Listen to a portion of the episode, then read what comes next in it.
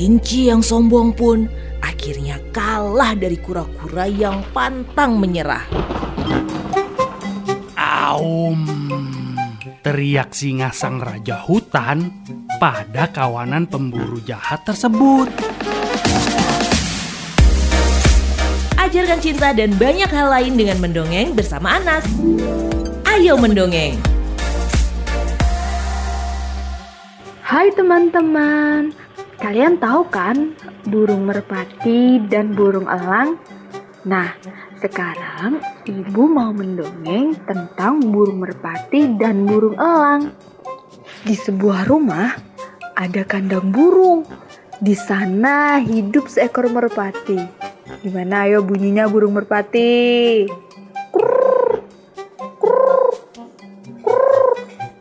Merpati bosan setiap hari harus jaga kandang. Padahal merpati itu ingin terbang bebas melayang di antara awan-awan.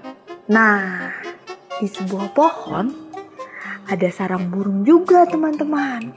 Di sana hidup seekor burung elang. Gimana ya bunyinya burung elang? Iya, benar.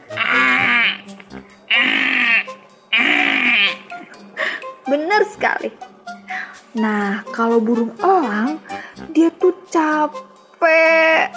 Setiap hari harus terbang jauh. Elang pengen banget santai seharian. Tidur-tiduran di dalam rumah seperti merpati. Tapi merpati iri melihat burung elang teman-teman. Asik ya jadi burung elang, dia bisa terbang setiap hari. Bisa jalan-jalan, bisa main di awan. Nah, itu kata merpati teman-teman. Sebaliknya, burung elang iri lihat merpati. Kata burung elang, enak ya jadi merpati hidupnya nyaman, setiap hari bisa santai, tidur di dalam rumah, makanannya dikasih, nggak usah cari. Kemudian merpati dan elang bertemu. Lalu mereka bersepakat untuk bertukar tempat. Eh, merpati, berapa lama nih kita bertukar tempat? Kata elang. Kata Merpati, ya udah kita lihat aja nanti.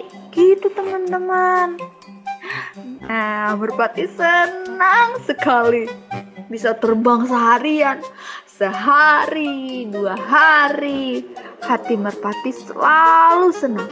Nah, tapi lama-lama Merpati juga capek. Ternyata mencari makan itu tidak mudah. Merpati pun kelaparan. Kalau hujan, kehujanan. Kalau panas, kepanasan. Kalau elang gimana? Elang seneng bisa santai seharian, makanan selalu ada, jadi tidak perlu bersusah payah. Tapi akhirnya elang bosan juga kok bisa terbang lagi, nggak bisa main lagi di awan. Nah, akhirnya merpati dan burung elang kembali bertemu. Elang, aku nggak kuat jadi kamu. Aku capek, kata merpati. Kata elang, aku juga nggak kuat kayak kamu. Aku bosan. Nah, akhirnya burung elang dan burung merpati kembali ke tempat semula. Mereka belajar mensyukuri hidup masing-masing. Nah, teman-teman, seandainya burung merpati dan elang tidak bertukar tempat, apa yang terjadi? Mungkin mereka akan terus menyesali hidupnya, mengeluh terus-terusan, dan akhirnya sakit-sakitan. Nah, lalu Seandainya merpati dan elang selamanya bertukar tempat, apa ya yang akan terjadi?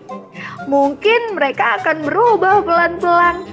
Merpati bertingkah seperti elang dan elang bertingkah seperti merpati. Jadi, kita harus selalu mensyukuri hidup ya. Ayo mendongeng, persembahan dari Female Radio. Love Life, Love Your Children.